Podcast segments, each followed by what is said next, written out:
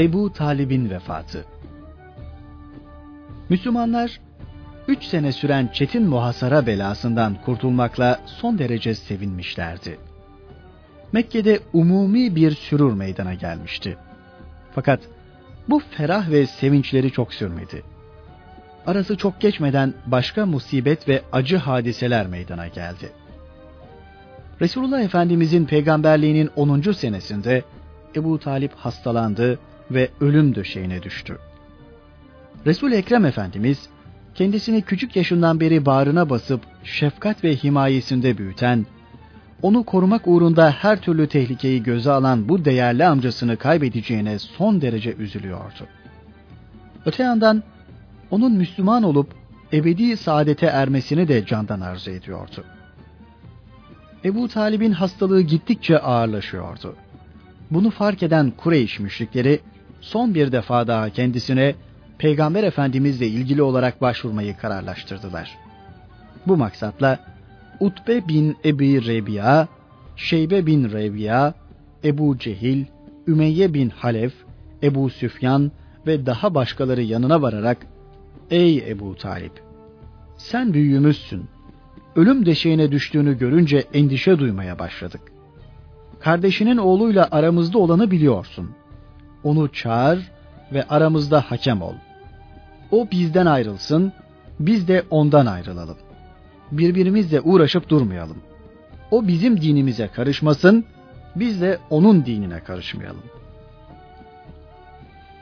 Ebu Talip, Nebi-i Muhterem Efendimiz'e haber gönderdi. Resulullah gelip Ebu Talip'le hazır bulunanlar arasına oturdu. Ebu Talip, Peygamber Efendimiz'e hitaben, Ey kardeşimin oğlu! Bunlar kavminin ileri gelenleridir. Senin meselen için buraya gelmişlerdir. Sana vereceklerini verecekler ve senden alacaklarını da alacaklardır. Resul Ekrem Efendimiz, olur ey amcam, dedi. Onların benden almalarını ve kabul etmelerini istediğim bir tek kelimedir. Ki onlar o kelimeyle topyekün bütün Araplara ve Arap olmayanlara hakim olabilirler. Ebu Talip hayret içinde bir tek kelime mi dedi. Peygamber Efendimiz evet bir kelime dedi. Herkesi bir merak sardı. Neydi bu kelime? Ebu Cehil ortaya atıldı ve peygamberimize hitaben o kelime neyse bize söyle de o birin yanına biz on katalım dedi. Dikkat kesilmiş bütün kulakların duymak istedikleri tek kelimeyi Resul Ekrem şöyle ifade etti. La ilahe illallah deyin ve Allah'tan gayrı taptığınız putlarınızı da ellerinizle kaldırıp atın.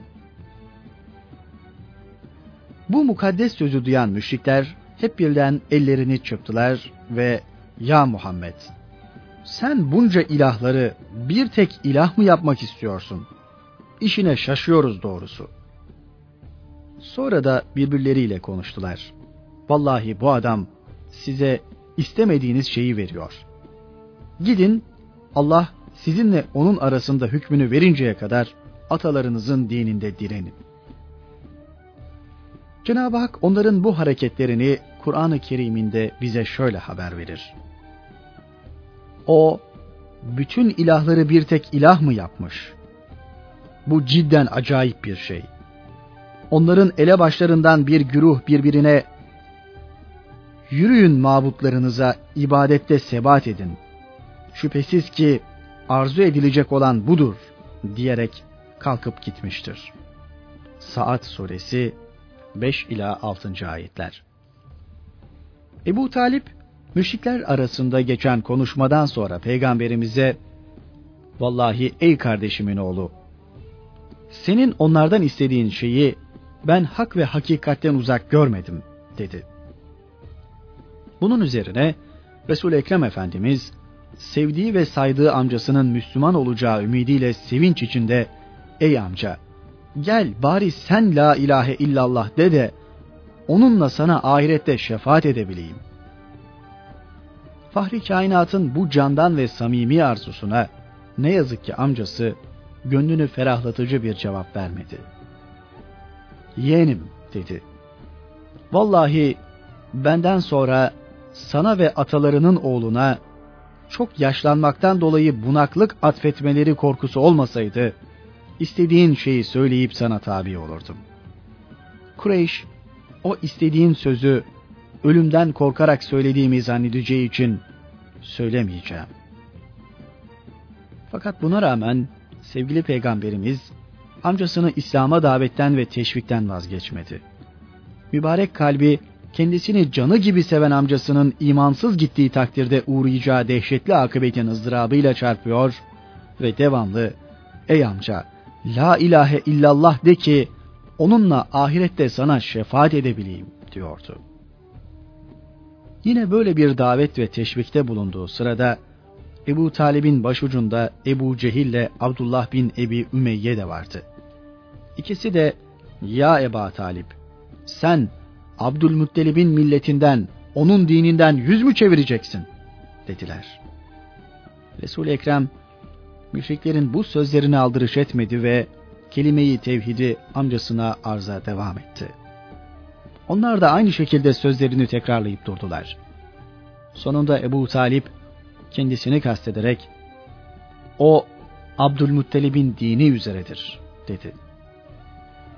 Buna rağmen Peygamber Efendimizin mübarek gönlü kendisini candan seven amcasının kendisine her türlü eziyet ve hakareti reva gören müşriklerle aynı akıbete uğramaktan derin ızdırap duyuyor ve ey amca şunu bilmelisin ki Allah tarafından alı konuncaya kadar senin affedilmeni isteyip duracağım diyordu. Nihayet Ebu Talip makbul bir imana nail olamadan 87 yaşındayken dünyaya gözlerini yumdu.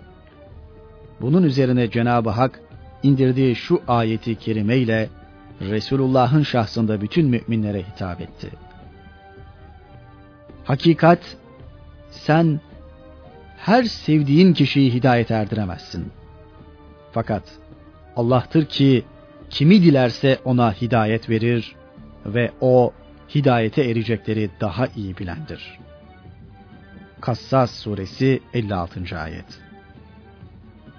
Resul-i Ekrem Efendimizin mübarek ve nazik kalbi amcasının vefatıyla fazlasıyla acı duydu. Gözleri yaşla doldu ve mübarek dudaklarından şu cümleler döküldü. Allah ona rahmet etsin, mağfiretini ihsan buyursun. Vefatı sırasında Hazreti Abbas da Ebu Talib'in başucunda bulunuyordu. Tam öldüğü sırada dudaklarının kımıldadığını görünce kulak verip dinledi ve La ilahe illallah dediğini işitti. Resul Ekrem Efendimize Ey kardeşimin oğlu vallahi kardeşim Ebu Talip senin söylemesini istediğin tevhid kelimesini söyledi dedi. Resul-i Kibriya gözyaşları arasında ben işitmedim buyurdu. Hazreti Abbas'ın henüz o sırada Müslüman olmadığını da hatırlatalım. Amcasını kaybedişinden dolayı bütün insanlığa rahmet hazinesi olan kalbi teessür içinde bulunan rahmet peygamberi Efendimiz, cenazenin arkasından da amca Rabbim seni rahmetine eriştirsin, hayırla mükafatlandırsın diye dua etti. Bu sırada yine mevzu ile ilgili şu ayeti kerime nazil oldu ve müminlere değişmez bir ölçü verdi. Ne peygambere ne de iman edenlere akraba bile olsalar, cehennemlik oldukları onlara açıktan açığa göründükten sonra, müşrikler için istiğfar doğru değildir. Tevbe suresi 113. ayet. Amcasının vefatı Resul-i Ekrem'i hem üzdü hem de derinden derine düşündürdü. Zira kendisine o ana kadar zahiri hamilik eden, müşriklerin şirretliklerinden muhafaza etmeye çalışan oydu. Gerçekten en zor ve çetin şartlar altında bile çok sevdiği yeğeninin üzerinden koruyuculuğunu esirgememiş, akrabalarının düşmanlıkları pahasına himayeden vazgeçmemişti. Bu himaye sebebiyle Kureyş müşrikleri peygamberimize fazla ilişememişlerdi.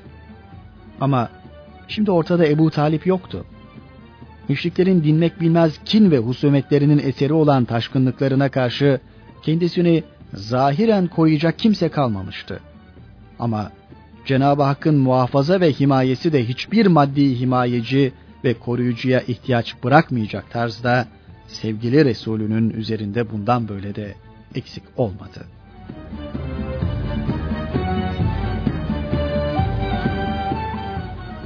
Ebu Talib'in imanı meselesi Ebu Talib'in imanı meselesinde çeşitli görüşler ileri sürülmüştür. Şia alimleri imanlı gittiğine kaildirler. Ehli sünnet alimlerinin ekseriyesi ise iman etmediğini söylemektedirler. Bununla birlikte Peygamber Efendimizle iftihar ettiği ve onun peygamberliğini kalben tasdik ettiğine dair bazı emareler şiirlerinden anlaşılmaktadır. Bediüzzaman Said Nursi Hazretleri de ehli teşeyyü yani Şialar imanına kail, ehli sünnetin ekserisi ise imanına kail değildir dedikten sonra şöyle bir izah tarzıyla meseleye açıklık getirmektedir. Fakat benim kalbime gelen budur ki Ebu Talip Resul Ekrem'in risaletini değil şahsını, zatını gayet ciddi severdi. Onun o gayet ciddi, o şahsi şefkati ve muhabbeti elbette zayiye gitmeyecektir.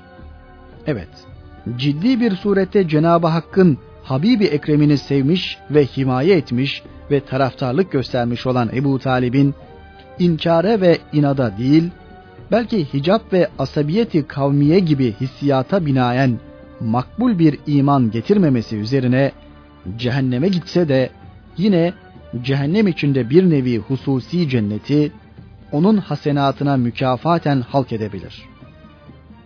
Kışta bazı yerde baharı halk ettiği ve zindanda uyku vasıtasıyla bazı adamlara zindanı saraya çevirdiği gibi hususi cehennemi hususi bir nevi cennete çevirebilir.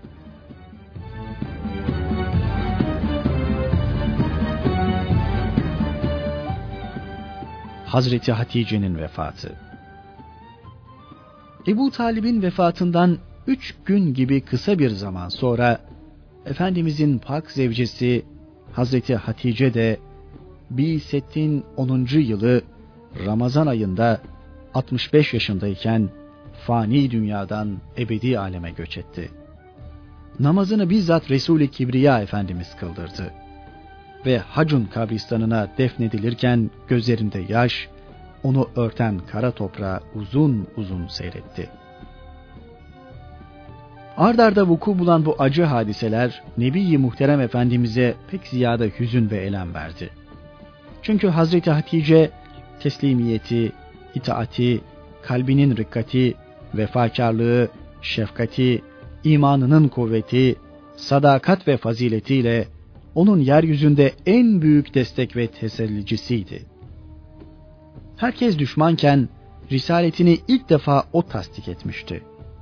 Herkes ondan uzaklaşıp kaçarken o kendine kalbini açmış ve muhabbetini rikkatli kalbine gömmüştü. En sıkıntılı zamanlarında tek teselli kaynağı olmuştu. Resul-i Kibriya Efendimizin bu derin teessüründe Hazreti Hatice-i Kübra'ya olan müstesna sevgisinin de şüphesiz büyük payı vardı. Öyle ki vefatından sonra bile onu hiçbir zaman unutamadı ve yeri geldikçe ondan takdir, rahmet ve muhabbetle bahsederek hatırasını yad ederdi. Ona olan sevgisinin bir tezahürü olarak akrabalarına dahi yardımda bulunur, şefkat ve merhametini onlardan hiçbir zaman eksik etmezdi. Günün birinde Hazreti Hatice'nin kız kardeşi Hale'nin sesini duyunca hemen sevgili hanımını anmıştı. Buna şahit olan Hazreti Ayşe validemiz Allah'ın kendisine ondan daha genç ve güzel hanımlar verdiğini söylemişti. Resul Ekrem Efendimiz Hazreti Ayşe'nin bu sözlerinden rahatsız olduğunu belli etmiş ve Hazreti Hatice'nin iyilik ve faziletlerinden bahsetmişti. Habibi Kibriya'nın söylediklerinden rahatsız olduğunu anlayan ferasetli Ayşe radıyallahu an Ya Resulullah seni peygamber olarak gönderen Allah'a yemin ederim ki bundan sonra Hatice'nin menkıbelerini her zaman an diyerek gönlünü anmaya çalışmıştı. Yine Resul Ekrem'in Hazreti Hatice validemizi daima takdir ve muhabbetle yad ettiğini, Hazreti Ayşe validemizin bunu kıskandığını bizzat Ayşe validemizin şu ifadelerinden öğreniyoruz. Nebi'nin kadınlardan hiçbirini Hazreti Hatice'yi kıskandığım kadar kıskanmadım. Halbuki onu Resulullah'ın yanında görmemiştim bile. Fakat Resulullah onu benim yanımda çok yad ederdi. Çok kere koyun keser, Hazreti Hatice'nin samimi arkadaşlarına et gönderirdi. Bazen ben sabırsızlık göstererek, sanki yeryüzünde Hatice'den başka kadın yok mu derdim. Resulullah da Hatice şöyleydi, Hatice böyleydi diye iyiliklerini sayar ve ondan çocuklarım var buyururdu. Resulullah Efendimiz Hira'ya devam ettiği sıralarda Hazreti Hatice validemiz de ona yiyecek taşırdı.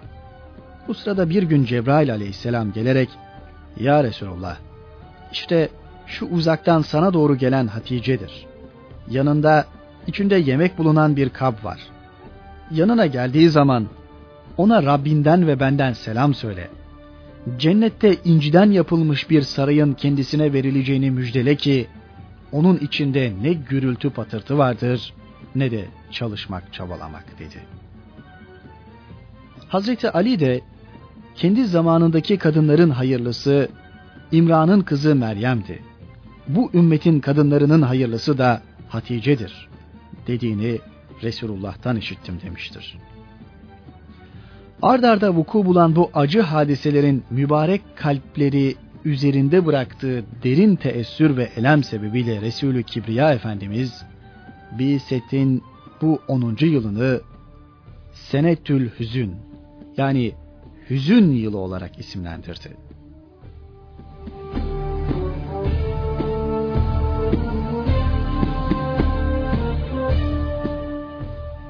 Müşriklerin eziyet ve hakaretlerini arttırmaları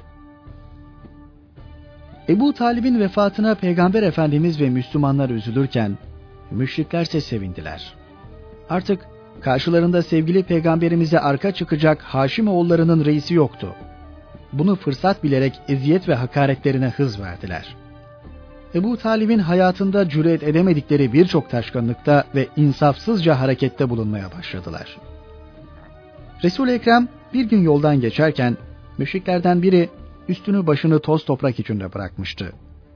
Bu adice harekete hiçbir karşılık vermeden önce evine dönmüştü. Sevgili babasının bu halini gören Hazreti Fatıma, onun üstünü başını temizlerken gözyaşlarını tutamamış ve hüngür hüngür ağlamıştı. Bir süre önce annesini kaybetmekle zaten gönlü mahzun ve kırık olan Hazreti Fatıma, babasını da bu halde görmekle adeta kalbinden vurulmuştu. Sanki o damlalar gözünden değil, kalbinden, ruhundan akıp geliyordu.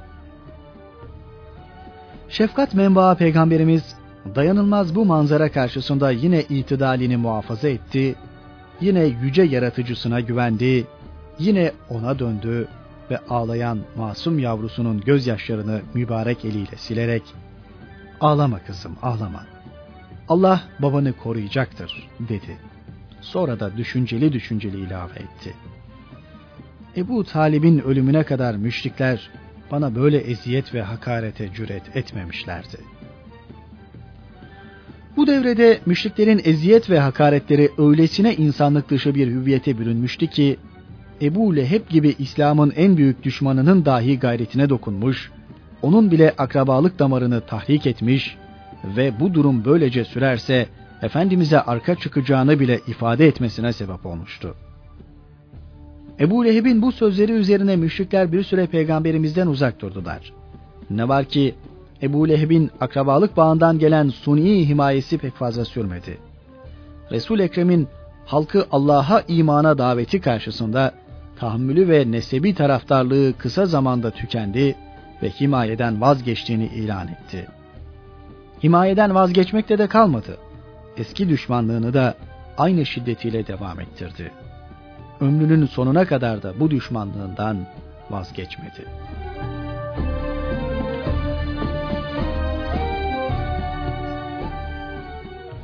Peygamber Efendimizin Hazreti Ayşe ile nişanlanması Hazreti Hatice validemizin vefatıyla Resul-i Kibriya Efendimizin aile hayatında bir boşluk meydana gelmişti.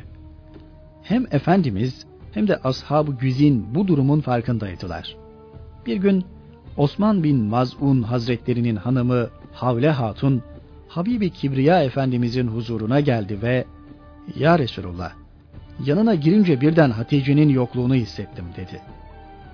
resul Ekrem bunun üzerine ''Evet, o çoluk çocukların anası, evinin de görüp gözeticisiydi.'' buyurarak aile hayatında Hazreti Hatice-i Kübra'nın ebedi aleme irtihaliyle meydana gelen boşluğu ifade etmeye çalışmıştı. Efendimizin bu konuşması üzerine Havle binti Hakim, ''Ya Resulullah evlenmek ister misiniz?'' diye sordu. Peygamber Efendimiz kiminle dedi. Ebu Bekir'in kızı Ayşe veya Sevde binti Zem'a ile. Bu karşılıklı konuşmadan sonra Resulü Kibriya Efendimiz Havle'ye git dedi. Benim için ikisi hakkında da konuş. Bunun üzerine Havle Hatun doğruca Hazreti Ebu Bekir'in evine vardı. Evde Hazreti Ayşe'nin annesi Ümmü Ruman vardı. Ey Ümmü Ruman! Allah'ın hayır ve bereketten size neyi eriştirdiğini biliyor musunuz? Ümmü Ruman nedir diye sorunca da Havle, Resulullah Ayşe'yi istemek için beni gönderdi diye cevap verdi. Hazreti Ebu Bekir o anda evde bulunmadığından Ümmü Ruman Havle Hatun'a hiçbir cevap vermedi ve ona Ebu Bekir'in gelmesini bekle dedi. Ebu Bekir gelince Havle aynı şeyi ona da anlattı. Ya Ebu Bekir dedi. Allah size hayır ve bereketten ne eriştirdi biliyor musunuz? Hazreti Ebu Bekir nedir o diye sordu. Havle Resulullah Ayşe'yi istemek için beni gönderdi cevabını verdi. Hazreti Ebu Bekir bir müddet düşündükten sonra Ayşe din kardeşinin kızı demek olduğuna göre ona helal olur mu diye konuştu. Havle derhal dönüp durumu kendilerine anlatınca Resul-i Kibriya Efendimiz Ebu Bekir'in yanına dön. Tarafımdan ona benim sana kardeş oluşum, senin de bana kardeş oluşun kan ve süt kardeşliği değil, İslam'da kardeşliktir. Senin kızın bu sebeple bana helaldir de buyurdu. Havle dönüp bunu bildirince Hazreti Ebu Bekir'in tereddütü zail oldu ve kerimesi Hazreti Ayşe'yi Resul-i Kibriya Efendimiz'e Şevval ayında nişanlayıp nikahladı. Ancak düğün sonraya bırakıldı.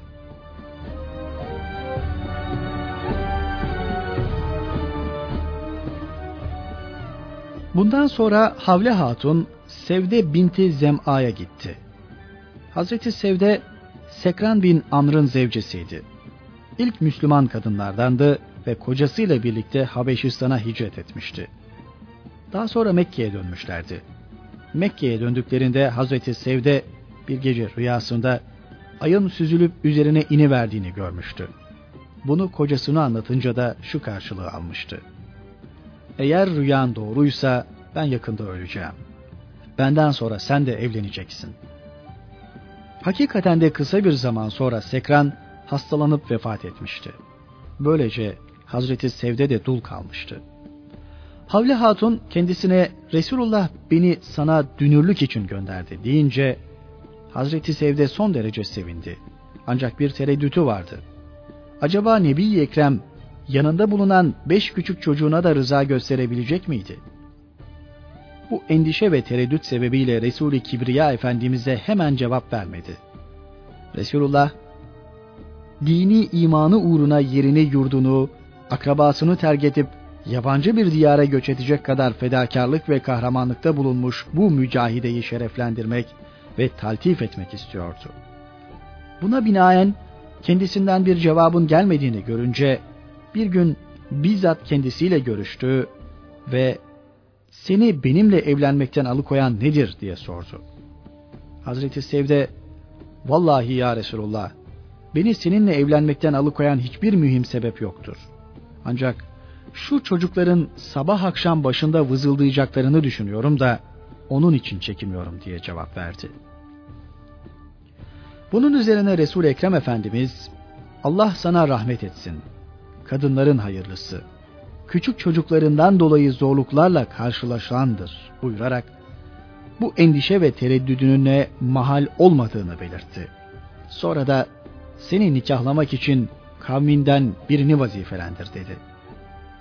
Hazreti Sevde kaynı Hatip bin Amr'a selahiyet verdi. O da Hazreti Sevde'yi Biset'in 10. yılında Resul-i Kibriya Efendimiz'e nikahladı. O sırada Hazreti Sevde 55 yaşlarındaydı. Görüldüğü gibi Resul-i Kibriya Efendimiz akrabalarından ayrılarak iman safına iltihak etmiş bir daha akrabalarının üzerinde bulunduğu şirk inancına dönmek istemeyen bir mücahide yaşlı hanımı sadece Allah'a ve Allah'ın dinine olan bağlılık ve sadakatinden dolayı himayesi altına alıyor ve onu müminlerin annesi olmak şerefine ulaştırıyordu.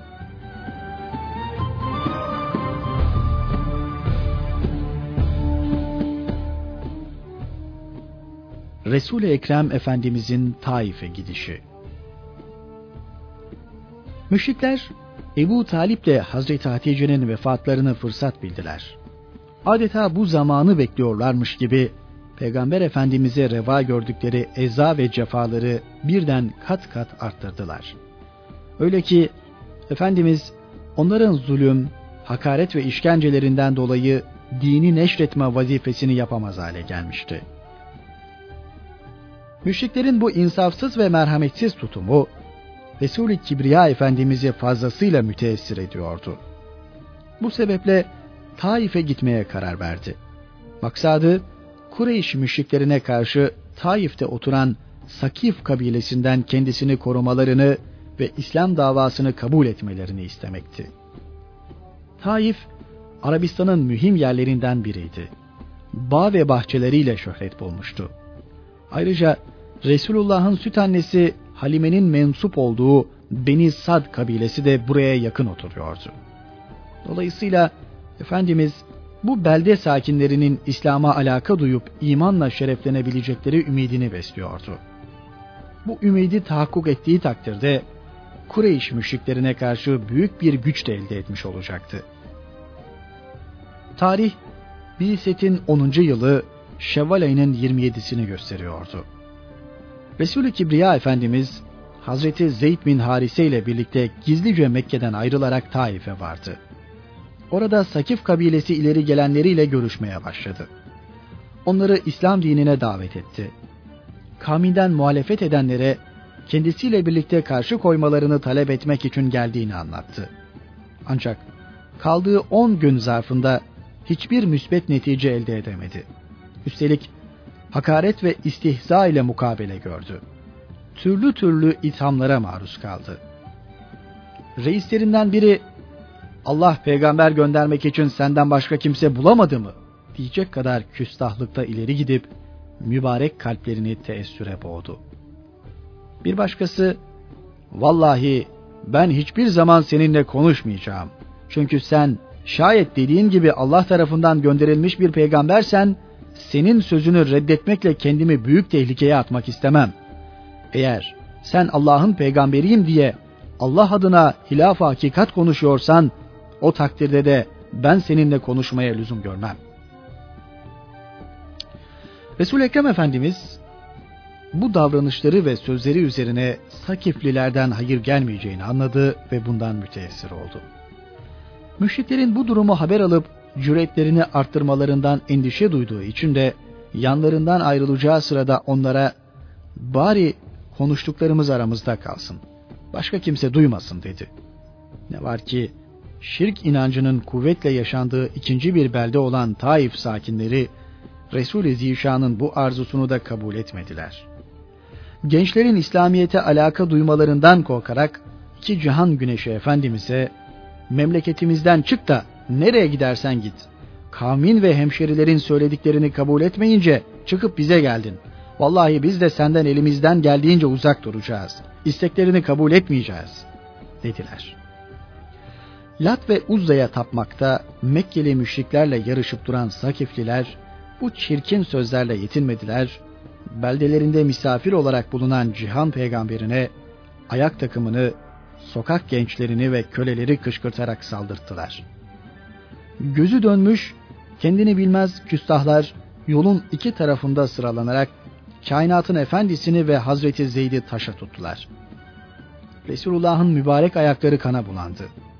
Öyle ki isabet eden taşların açtığı yaraların acısı yürümeye engel olur hale geldi. Resul Ekrem zaman zaman oturmak zorunda kaldı. Ama bu vicdansızlar her seferinde onu zorla ayağa kaldırarak yeniden yaralı ayaklarını taş yağmuruna tutuyorlardı. Ayak takımı Peygamber Efendimiz'i ızdırap içinde bırakırken taşlarıyla beraber kahkahalar da savuruyorlardı. Hazreti Zeyd hayatını hiçe sayarcasına vücudunu Resul-i Kibriya'ya siper etmişti. Şirk ehlinin elinden çıkan taşların ona ulaşmasına mani olmaya çalışıyordu. Ama nafileydi. O da kan revan içinde kaldı. Resul Ekrem bu adice saldırıdan ancak kendini bir bağa atmakla kurtulabildi. Bağın sahipleri kendilerine uzaktan akraba sayılan Utbe ve Şeybe bin Rabia adında iki kardeşti. Resul Ekrem bitkin bir vaziyette kendisini bir asmanın altına attı. İnsanlığı utandıracak bu adice saldırının tesirinden biraz olsun kurtulduktan sonra şu hazin münacatta bulundu. Allah'ım, kuvvetsiz ve çaresiz kaldığımı, halk nazarında hakir görüldüğümü ancak sana arz eder, sana şikayet ederim. Ey merhametlilerin en merhametlisi olan Allah! Herkesin hakir görüp de dalına bindiği, çaresizlerin Rabbi ancak sensin. Benim Rabbim de ancak sensin. Sen beni kötü huylu, yüzsüz bir düşman eline düşürmeyecek kadar merhamet sahibisin. Allah'ım, yeter ki senin gazabına uğramayayım. Ne çekersem ona katlanırım. Fakat senin af ve mağfiretin bunları bana yaptırmayacak kadar geniştir. Allah'ım, senin gazabına uğramaktan, ilahi rızandan uzak kalmaktan, senin o zulmetleri aydınlatan ve ahiret işlerini yoluna koyan ilahi nuruna sığınırım. Allah'ım, sen razı oluncaya kadar affını dilerim. Allah'ım, her kuvvet, her kudret ancak seninle kaimdir. Bağ sahipleri Resul-i Kibriya Efendimizin maruz kaldığı şen'i ve menfur saldırıyı uzaktan seyretmişler ve acıma duyguları harekete gelmişti.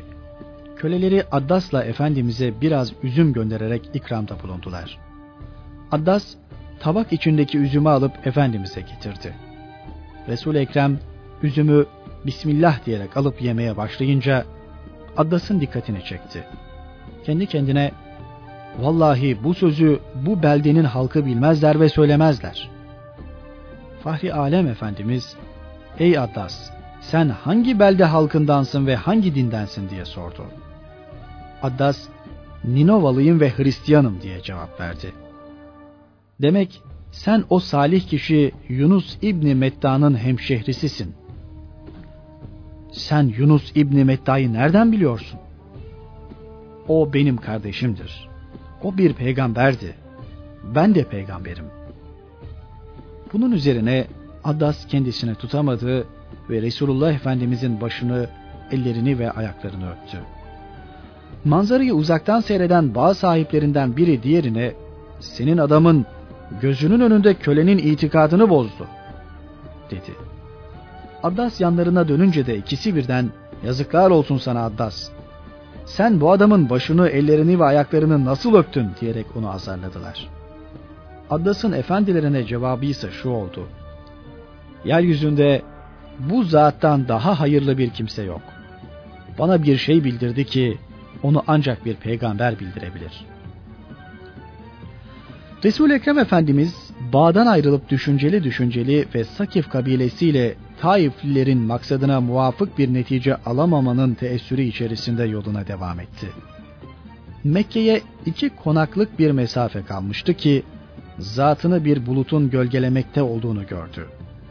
Dikkatlice bakınca bulutun içinde Hazreti Cebrail'i fark etti. Cebrail aleyhisselam seslendi. Şüphesiz Allah kavminin sana neler söylediğini işitti.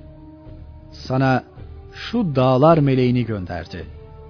Kavmin hakkında dilediğini yapmak üzere ona emredebilirsin.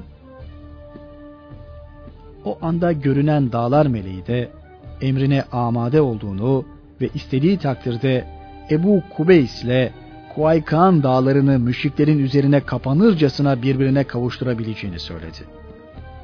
Fakat şefkat ve merhamet kaynağı Resul-i Ekrem'in arzusu başkaydı. Dağlar meleğine şu cevabı verdi. Hayır, ben böyle bir şey istemem.